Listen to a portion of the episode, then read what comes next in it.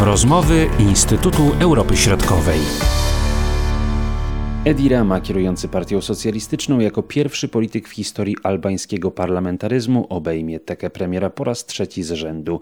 Przed nowym rządem stoi wiele wyzwań, m.in. kwestie gospodarcze, społeczne związane z masową emigracją, walka z korupcją, przestępczością zorganizowaną oraz reforma wymiaru sprawiedliwości. A to jeszcze nie wszystko, podkreśla starszy analityk w zespole bałkańskim Instytutu Europy Środkowej, doktor habilitowana Agata Domachowska. Po kwietniowych e, wyborach parlamentarnych w Albanii po raz kolejny to trzeci raz z rzędu. To jest pierwszy przypadek taki w ciągu ostatnich 30 lat po upadku w Albanii e, komunizmu, kiedy ta sama partia wygrywa w wyborach, mianowicie partia e, socjalistyczna. Co więcej, to też jest e, nowością, e, tej partii udało się zdobyć, zwyciężyć w wyborach po raz drugi z rzędu, startując samodzielnie, nie w żadnej koalicji wyborczej. Więc to znowu partia socjalistyczna ze swoim liderem na czele, premierem Edim Ramą, będzie rządzić Albanią przez kolejne cztery lata.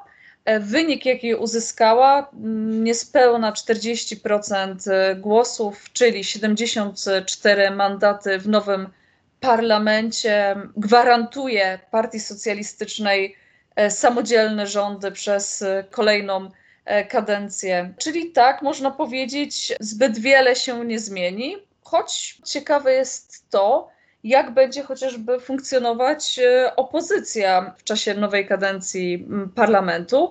Ponieważ oczywiście no, opozycji nie udało się przejąć e, władzy, to jednak e, ta największa partia opozycyjna, która startowała w wyborach w koalicji wyborczej z mniejszymi ugrupowaniami, czyli Partia Demokratyczna przegrała ale zdobyła o wiele większe poparcie w porównaniu z poprzednimi wyborami z 2017 roku, mianowicie e, uzyskała niespełna 40% poparcie, co przełożyło się e, ostatecznie na 59 mandatów, czyli w porównaniu z 2017 rokiem partia ta zdobyła aż 13 mandatów więcej. Największym przegranym jest e, druga największa partia opozycyjna, czyli Moniki Kremadi, żony obecnego prezydenta Albanii, czyli socjalistyczny ruch na rzecz e, integracji. Ta partia zdobyła niespełna 7% głosów, co przełożyło się na tylko cztery mandaty w nowym parlamencie, czyli aż o 15 mandatów mniej będzie posiadała ta partia w nowym parlamencie w porównaniu z tym, jaki posiadała zasób mandatów w poprzedniej kadencji. To jest na pewno ciekawe. No i ciekawe tutaj jeszcze bym dodała, że jedna najmniejsza partia, po, oprócz tych trzech wspomnianych przeze mnie, e, przeze mnie partii, jeszcze jedna e, przekroczyła próg wyborczy, zdobyła trzy mandaty. Jest to partia socjaldemokratyczna i ona też zwiększyła swój stan posiadania w porównaniu z 2017 rokiem o dwa mandaty. Co oznacza to zwycięstwo? Jak należy je odczytywać? Tutaj trzeba zauważyć, że Partia Socjalistyczna, też jako partia e, rządząca przez ostatnie 8 lat, miała cały wachlarz możliwości, aby przekonywać społeczeństwo do tego, aby uzyskać jak największe poparcie w wyborach. Miała wiele większe możliwości, aby poszerzać swoją bazę wyborców. E, tutaj warto pokreślić, że Partia Socjalistyczna też dominuje na tej płaszczyźnie e, lokalnej w Albanii. Oczywiście udało jej się odnieść pewne sukcesy w ciągu ostatnich ośmiu lat, w czasie ostatnich tych dwóch kadencji, kiedy sprawowała E, władzę, ale też odniosła wiele porażek i to takich znaczących. Na pewno w tym, co jest kluczowe z punktu widzenia procesu integracji e, europejskiej, mianowicie jeżeli popatrzymy na stan demokracji tego państwa, na ile, jakie postępy Albania poczyniła w ciągu tych ośmiu lat, no to można powiedzieć, że raczej niezbyt wielkie. Więc pod tym względem tutaj premier e, Edi Rama nie może poszczycić się jakimiś większymi sukcesami. Oczywiście, przynajmniej w tym warstwie werbalnej, e, cały czas podkreślał i, i podkreśla, że kluczowa jest dla niego walka z korupcją, z walka z organizacjami e, z przestępczymi, tak z tą przestępczością zorganizowaną, E, tutaj też zbyt wielu sukcesów na tym polu Albania nie posiada. Nadal wiele jest do zrobienia. Edi Rama, premier Edi Rama podkreśla w czasie kampanii wyborczej, że będzie nadal kontynuował reformy, aby tutaj e, Albania przyspieszyła ten proces swój akcesyjny do Unii Europejskiej, będzie nadal reformował kraj. Zresztą podkreślał, że ta trzecia kadencja jest dla niego e, niezbędna, aby zakończyć e, wszystkie reformy, o których, które wcześniej zapowiadał, ponieważ e, w czasie tych dwóch pierwszych kadencji nie udało mu się tego zrobić. A dlaczego? No, według niego nie udało mu się tego zrealizować, ponieważ w czasie pierwszej kadencji no, opozycja mu przeszkadzała. W czasie drugiej kadencji natomiast nastąpiło trzęsienie ziemi pod koniec 2019 roku, z którym rząd musiał się zmagać, a później, jak wiemy, w poprzednim roku i teraz cały czas mamy ten okres pandemiczny i to zahamo miało zahamować, zdaniem premiera, e, przeprowadzanie istotnych e, reform w kraju, więc jak najbardziej ta trzecia kadencja jest mu e, potrzebna, aby wszystko, wszystkie swoje plany E, mógł zrealizować. No i zobaczymy, tak, e, czy faktycznie te cztery lata e, cokolwiek zmienią, czy nastąpi jakiekolwiek przyspieszenie. Niewątpliwie za tym sukcesem Ediego Ramy, premiera Ediego Ramy i samej partii socjalistycznej stoi też w pewnym sensie słabość samej opozycji, przede wszystkim partii E, demokratycznej, ale też właśnie tej, która okazuje się być największym przegranym tych wyborów, czyli socjalistycznego ruchu na rzecz integracji. Są to partie, e, które, którym partie opozycyjne, którym nie udało się zmobilizować e, społeczeństwa na tyle, aby to społeczeństwo zdecydowało się na odsunięcie socjalistów od władzy. Nie udało się tym partiom przekonać społeczeństwo, że faktycznie te partie, partie opozycyjne są w stanie być istotną zmianą w kraju, tym bardziej, że przypomnę i Partia Demokratyczna i Socjalistyczny Ruch na rzecz integracji już wcześniej rządziły w, w Albanii. Sama frekwencja, ona nie przekroczyła w tym roku, choć była nieznacznie wyższa niż ta sprzed czterech lat, to ona nie przekroczyła poziomu 50 E, procent, więc tutaj widzimy, że faktycznie e, społeczeństwo albańskie nie było na tyle zmotywowane, aby faktycznie e, odsunąć, odsunąć socjalistów od władzy. Prawdopodobnie znacząca część społeczeństwa nie dostrzegła w partiach opozycyjnych tej wiarygodnej alternatywy dla partii socjalistycznej ta dostateczna nadzieja nie została rozbudzona przez opozycję właśnie w, w, w społeczeństwie albańskim. Przed jakimi największymi wyzwaniami stoi Albania? Na pewno jedno z tych największych to demografia, prawda? O tym też już y, rozmawialiśmy nieraz. Jednak zdecydowanie y, Albańczycy wybierali i wybierają jednak ci najbardziej aktywni państwa zachodnie i to niewątpliwie jest ogromny kłopot dla państwa albańskiego. No i właśnie, czy ta trzecia kadencja, czy ona rzeczywiście może tutaj spowodować jakieś zahamowanie tego trendu i innych niepokojących? Premier e, Edi Rama i Partia Socjalistyczna, zresztą tak jak wszystkie partie w czasie kampanii wyborczej podkreślały, że faktycznie ten problem kurczącej się populacji Albanii i e, masowa emigracja stanowią takie jedne z najważniejszych wyzwań, ale tak naprawdę Partia Socjalistyczna nie przedstawiła konkretnego planu, w jaki sposób chciałaby poradzić sobie, rozwiązać ten problem. Trudno jest oczekiwać, żeby w przeciągu kolejnych czterech lat sytuacja w Albanii zmieniła się w tak drastyczny sposób, aby nagle ta masowa emigracja została E, zahamowana. Prawdopodobnie należy spodziewać się, że ten trend e, będzie utrzymany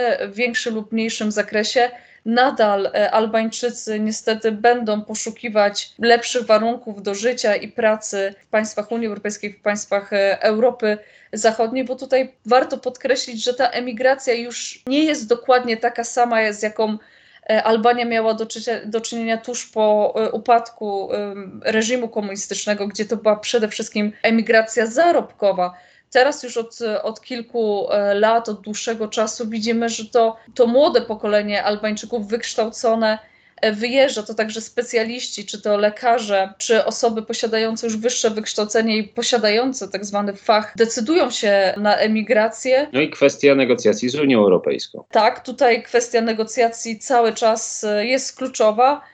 czekamy. Albania, zarówno Albania, jak i Macedonia Północna dostały co prawda rok temu już zielone światło na rozpoczęcie negocjacji akcesyjnych, ale wciąż nie została zorganizowana ta pierwsza międzyrządowa konferencja E, która miałaby rozpocząć ten proces e, negocjacji e, akcesyjnych. Jak wiemy, tutaj przeszkodą, aby ta, ta pierwsza konferencja została zorganizowana, jest nieprzychylne stanowisko Bułgarii w tym zakresie, a dokładnie weto.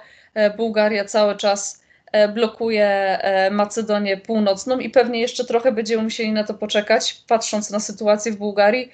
Bułgaria po kwietniowych wyborach parlamentarnych będzie mieć kolejne, tym razem przedterminowe wybory już e, w lipcu e, tego roku i nie należy zakładać, że do tego czasu stanowisko Bułgarii w, w tym względzie się e, niestety zmieni. Dlatego też jeszcze tydzień temu usłyszeliśmy ze, ze strony komisarza do spraw rozszerzenia Unii Europejskiej, że może pewną propozycją, pewnym pomysłem byłoby rozdzielenie, prowadzenie negocjacji osobno faktycznie z Albanią i osobno e, pod tym kątem z Macedonią Północną, co szybko zostało skrytykowane przez część państw Unii Europejskiej, przede wszystkim Niemcy, Słowację czy, czy, czy Austrię i ten pomysł upadł. A co dalej z prezydentem Albanii, który mocno się zaangażował w czasie kampanii wyborczej? Zgodnie z konstytucją e, Albanii faktycznie parlament posiada kompetencje do tego, aby odwołać e, prezydenta z, z urzędu, przede wszystkim z powodu e, naruszenia konstytucji czy też popełnienia przez niego ciężkiego przestępstwa. Wówczas w takiej sprawie wniosek jest składany przez przynajmniej jedną czwartą liczby deputowanych. Natomiast taki wniosek o usunięcie, odwołanie prezydenta z urzędu musi być poparte w głosowaniu przez co najmniej dwie trzecie wszystkich deputowanych, czyli 84 deputowanych musi opowiedzieć się za odsunięciem prezydenta z urzędu, ale tutaj też jest ważne, że Oczywiście parlament posiada kompetencje, aby tutaj e, przyjąć dokument odwołujący e, prezydenta, ale to ostatecznie uchwałę przyjętą przez parlament e, następnie przesyła się do sądu, do Trybunału Konstytucyjnego i to ostatecznie Trybunał Konstytucyjny orzeka, czy prezydent może zostać odwołany z urzędu, czy też nie.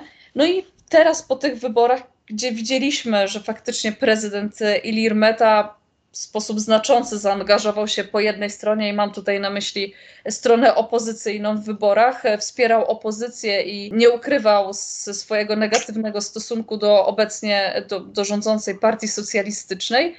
No i wobec tego Partia Socjalistyczna uznała, część deputowanych Partii Socjalistycznej uznało, że, e, że w ten sposób e, prezydent naruszył konstytucji jest podstawa ku temu, aby odwołać, e, usunąć z urzędu obecnego e, prezydenta. No i zobaczymy, faktycznie część deputowanych dąży do tego, aby wniosek został przegłosowany, ale tak naprawdę no obecnie faktycznie, jak popatrzymy, policzymy głosy w parlamencie, to partii socjalistycznej udałoby się uzyskać potrzebnych 84 głosy, aby odsunąć prezydenta z urzędu, ale w kolejnym parlamencie pewnie by było już to trudniejsze, czyli jesienią, kiedy z, zbierze się już e, nowy e, parlament, bo tak jak mówiłam wcześniej, Partia Socjalistyczna e, będzie w nim miała 74 głosy, zatem aby odsunąć prezydenta, aby ten wniosek został przegłosowany w parlamencie,